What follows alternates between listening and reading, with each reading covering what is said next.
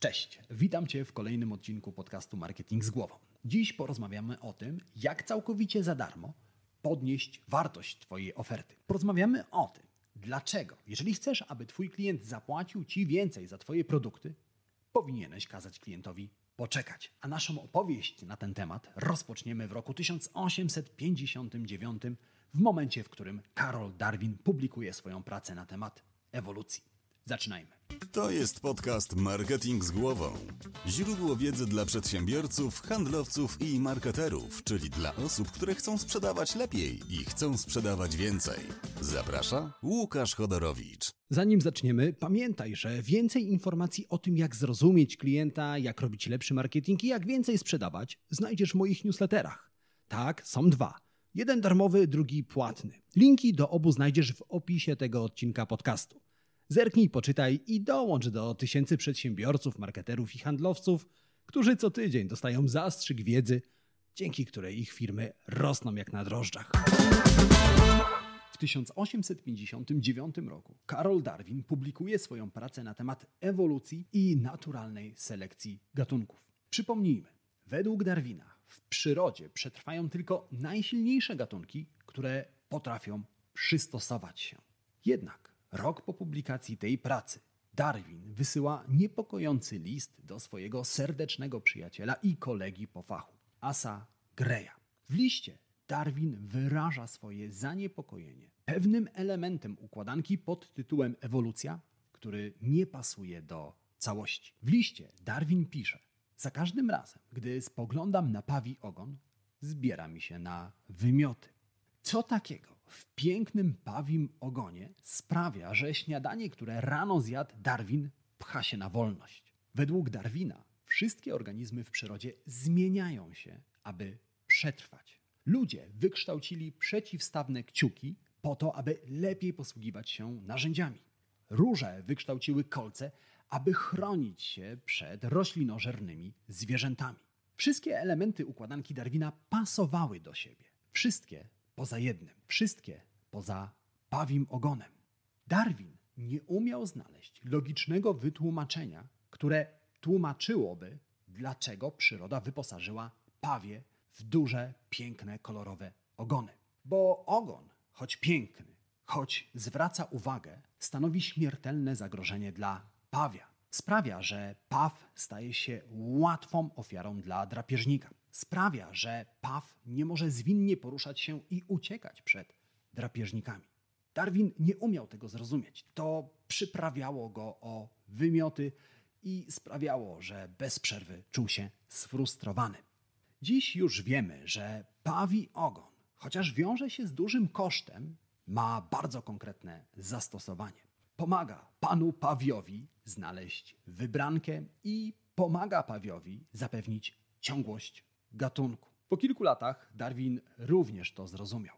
I w ten sposób powstała teoria sygnalizacji. Teoria, która mówi, że choć istnieją efektywniejsze sposoby na osiągnięcie celu, czasem warto trochę bardziej się namęczyć i coś poświęcić, tylko po to, żeby coś zasygnalizować. Choć posiadanie pięknego pawiego ogona wiąże się z pewnym ryzykiem, to wysyła również bardzo konkretny sygnał w kierunku partnerki. To tak jakby paw przy pomocy ogona chciał powiedzieć: Spójrz, chociaż wiem, że mogę zginąć, to jestem gotowy zaprezentować Ci mój piękny ogon tylko po to, abyś zwróciła na mnie uwagę. Choć ewolucja mogła wyposażyć pawia w piękny głos, dzięki któremu paw, tak jak większość ptaków, przypodobałby się partnerce pięknym śpiewem, uznała, że warto coś poświęcić, aby paw jeszcze lepiej się prezentował i aby wysyłał lepsze sygnały w kierunku partnerki. Teoria sygnalizacji pojawia się również w biznesie i w życiu.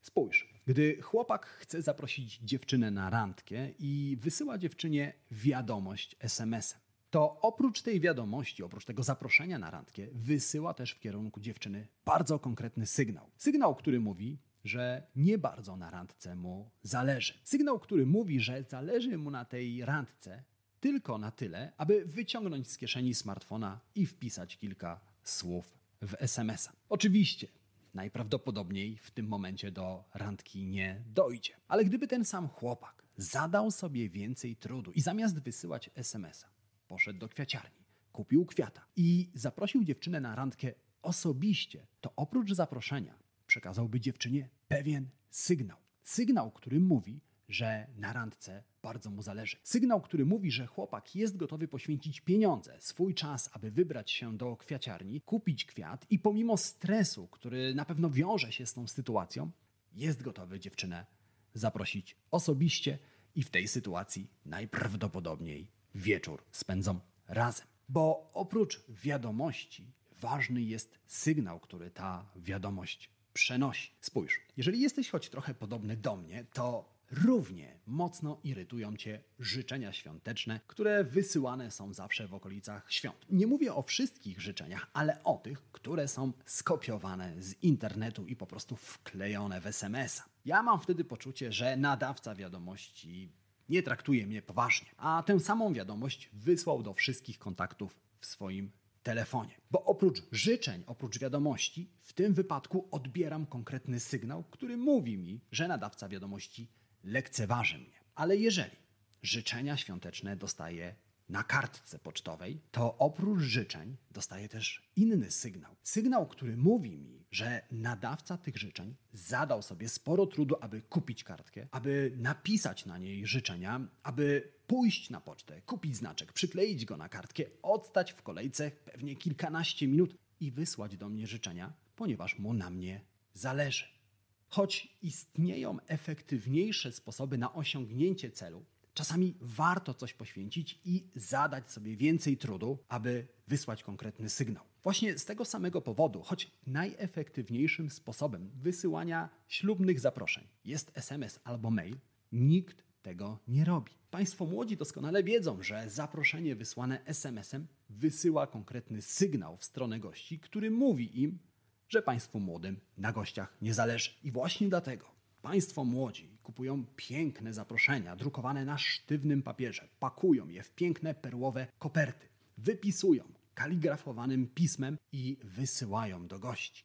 W ten sposób wysyłają gościom nie tylko zaproszenie, ale również konkretny sygnał, który mówi: Zależy nam na tym, abyście się pojawili, jesteście dla nas ważni, nie zapomnijcie zabrać ze sobą koperty.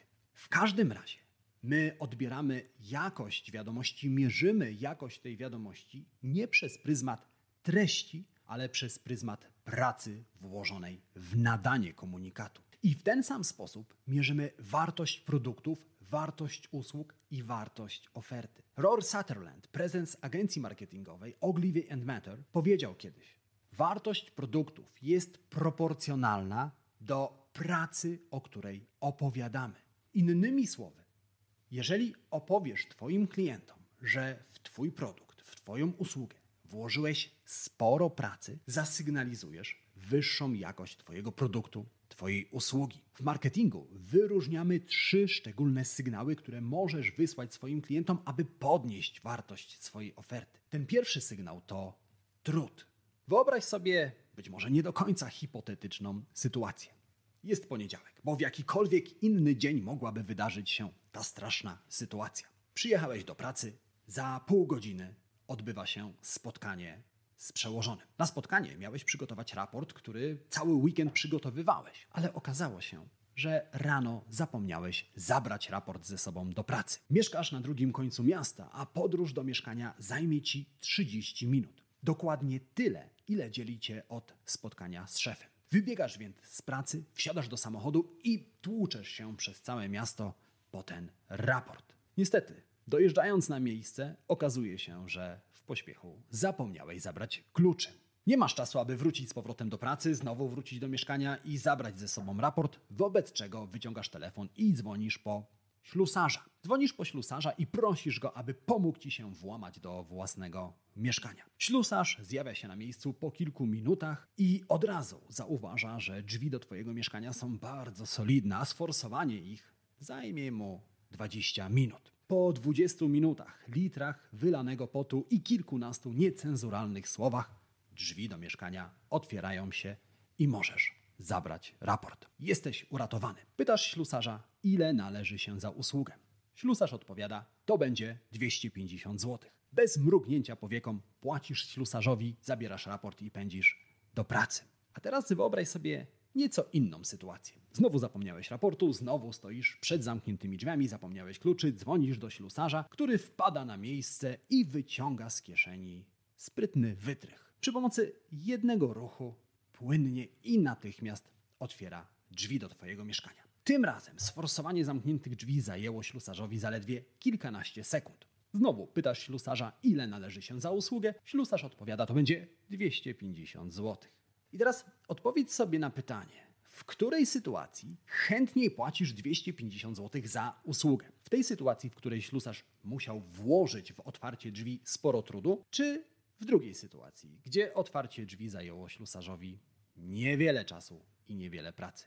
Zakładam, że w tym pierwszym wypadku chętniej rozstaniesz się ze swoimi pieniędzmi, ponieważ my wierzymy, że za ciężką pracę i trud włożony w tę pracę należy zapłacić więcej. Dlatego, aby podnieść wartość swojej oferty, opowiedz o trudzie, który w tę ofertę wkładasz. Jeżeli produkujesz produkty, jeżeli produkujesz kubki porcelanowe, to opowiedz o tym, ile ta produkcja cię kosztuje, jak trudno jest wyprodukować taki kubek. Spójrz, Apple za każdym razem, gdy prezentuje nowe urządzenie, opowiada o tym, ile pracy włożył, aby je zaprojektować, aby je wyprodukować. Szef inżynierów Apple'a, Sir Jonathan Ive, za każdym razem opowiada o każdym detalu produktu, o każdym detalu iPhone'a, o każdym detalu MacBooka, o tym, ile pracy cały zespół musiał włożyć, aby ten komputer, aby ten smartfon powstał. W ten sposób Apple buduje wartość swoich produktów, podnosi wartość swoich produktów i przekonuje nas, że warto za nie zapłacić więcej. Ty zrób to samo. Kolejnym sygnałem, który pomoże Ci podnieść wartość Twojej oferty, są pieniądze. Wychodzimy z założenia, że jeżeli przygotowanie produktu, usługi wymagało więcej pieniędzy, to ten produkt musi być więcej warty. I to jest kolejny sygnał, który potwierdzają badania naukowe. W pewnym eksperymencie naukowcy zebrali 214 entuzjastów biegania, którym podsunęli czasopismo z bardzo konkretnym artykułem. Ten artykuł opisywał buty pewnej marki, a konkretnie ilość pieniędzy wydanych na promocję tych butów. Przy czym naukowcy spreparowali ten artykuł i przygotowali trzy różne wersje artykułu. Z pierwszej wersji czytelnicy dowiedzieli się, że na reklamę, na marketing tych konkretnych butów marka wydała 2 miliony dolarów. Z drugiego dowiedzieli się, że marka wydała 5 milionów dolarów, a z trzeciego dowiedzieli się, że aż 20 milionów dolarów.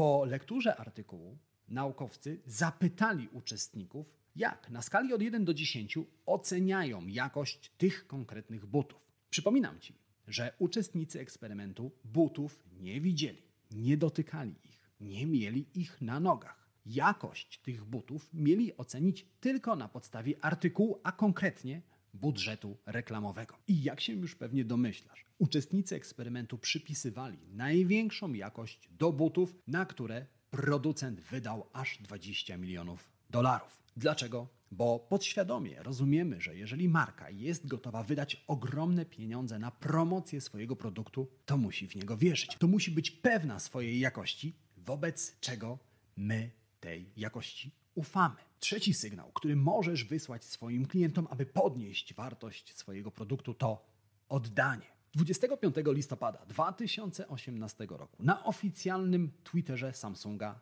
pojawił się tweet dotyczący promocji nowego Samsunga Galaxy Note 10.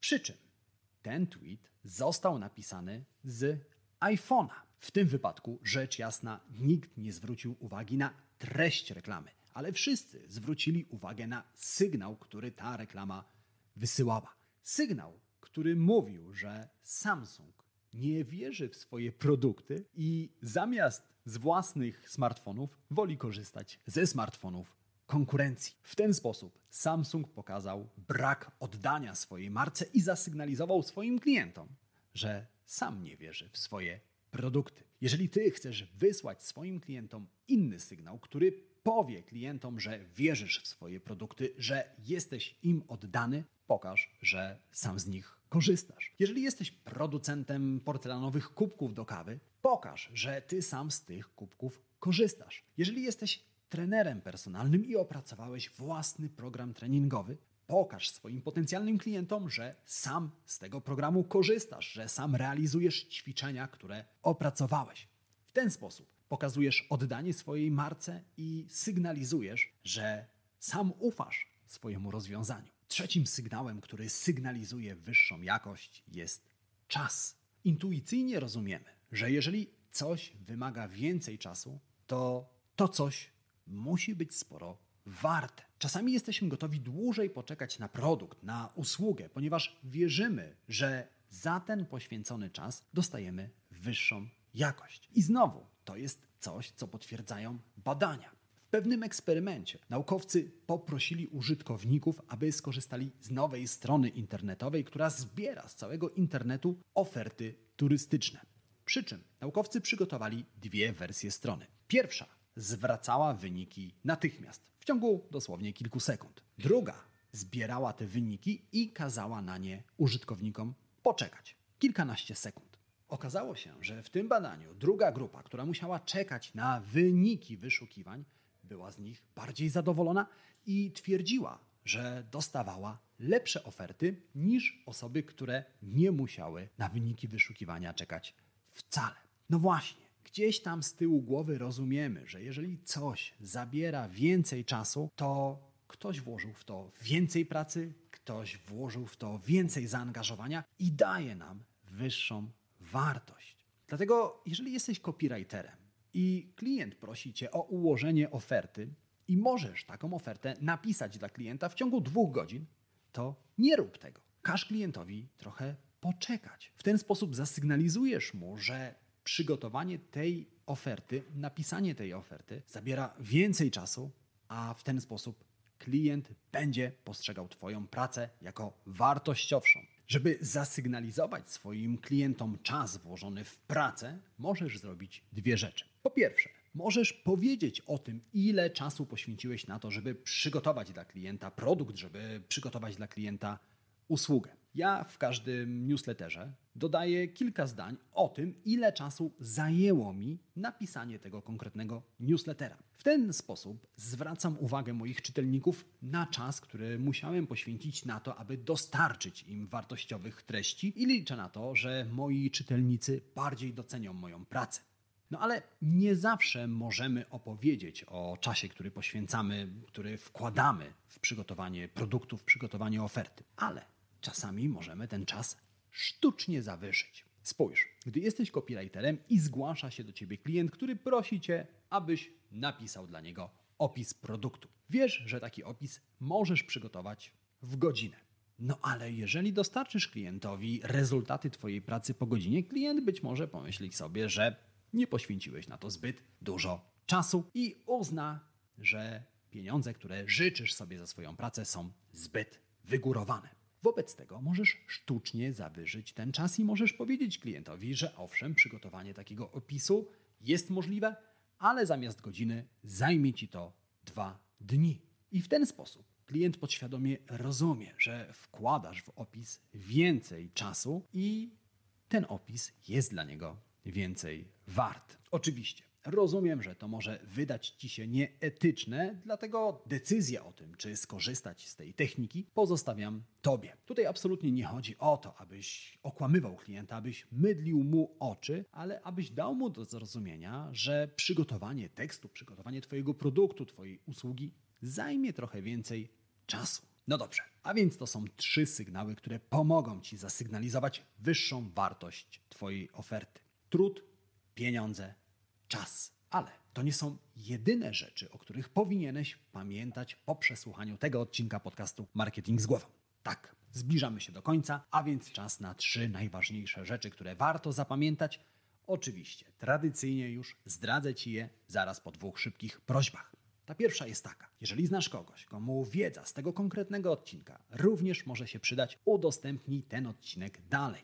Możesz to zrobić na Messengerze, możesz to zrobić na WhatsAppie, możesz to zrobić w mailu.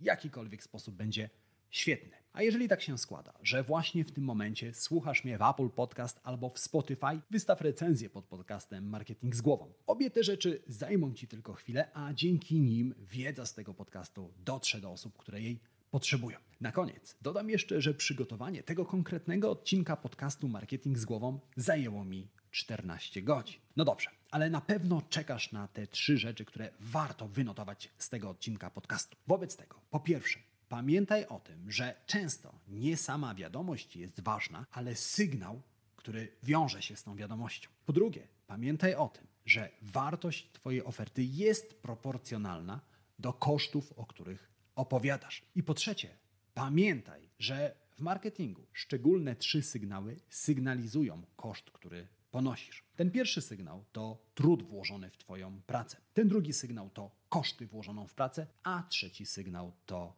czas poświęcony na pracę. Pamiętaj o tym, stosuj te rady, a wartość Twojej oferty wzrośnie. I tego bardzo gorąco Ci życzę. No oprócz tego oczywiście życzę Ci udanego dnia, udanego tygodnia i przypominam, że my słyszymy się już w kolejnym odcinku podcastu Marketing z głową, podcastu numer jeden wśród polskich podcastów o marketingu.